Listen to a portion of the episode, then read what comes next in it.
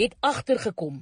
Dis maklik om 'n stryery aan die gang te sit, maar o wee, dis baie moeilik om dit te beëindig. Ek dink die beste strategie is om agteruit te tree, diep asem te haal en te vra: Wat is in hierdie situasie nou eintlik die belangrikste? Ek Spreuke 20 vers 3 sê dit is eerbaar om 'n rusie te vermy. Enige dwaas kan 'n rusie begin.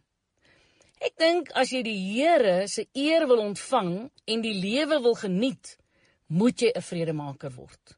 Jy moet iemand wees wat onnodige konflik wat geen werklike voordele inhou vermy. Jou huis behoort vol vrede te wees. Jou huweliksmaat behoort saam met jou harmonieus te lewe.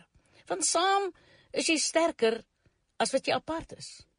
Moet tog nie elke dag gereed wees om op jou perdjie te spring nie.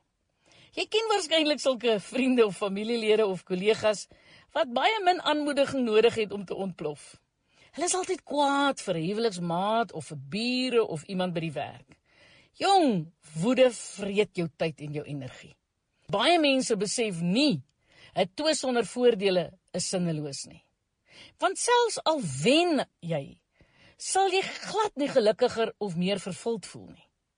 En as jy die fout maak om elke potensiële geskil in 'n geveg te laat ontaard en jy gedurig besig is om jouself te verdedig, jou argumente staaf of ander mense reg te sien, gaan jy waarskynlik ook nie genoeg energie beskikbaar hê vir die werklike belangrike veldslaan nie.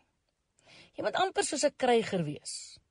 Maar jy moet onthou dat selfs 'n kryger weet wanneer 'n kragmeting nie die moeite werd is nie.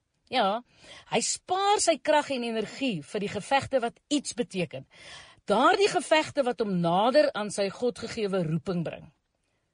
Nou kyk, Dawid is as jong skaapwagter deur sy pa aangesê om kos na sy broers op die slagveld te neem. En as krygers is hulle baie belangriker geag as Dawid wat die huisgesin se vee moes oppas.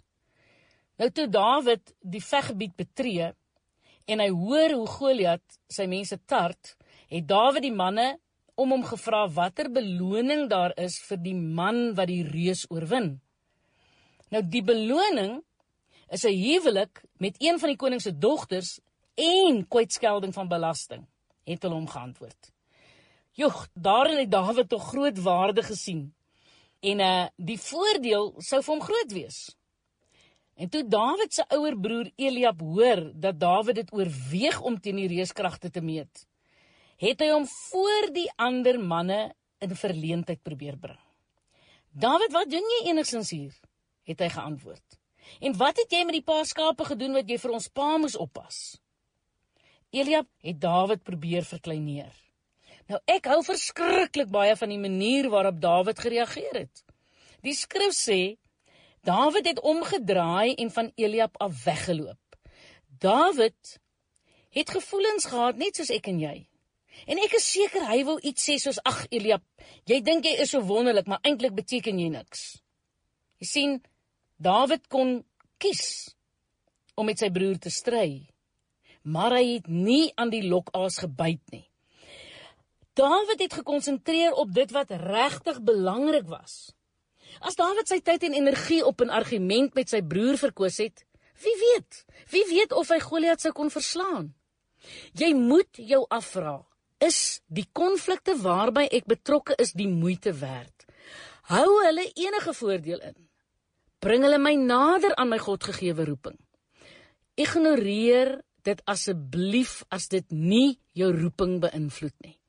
As iemand nie jou vriend wil wees nie, of jou onbeskof behandel, is dit nie 'n oorlog werd nie. Wanneer jy in onbenullige geskille verstrengel raak, mag jy dalk die skermutseling met 'n Goliat misloop wat die Here ter vervulling van jou goddelike roeping op jou pad plaas. Die gevegte wat saak maak, sal kom. Spaar jou krag en energie vir dinge wat werklik belangrik is.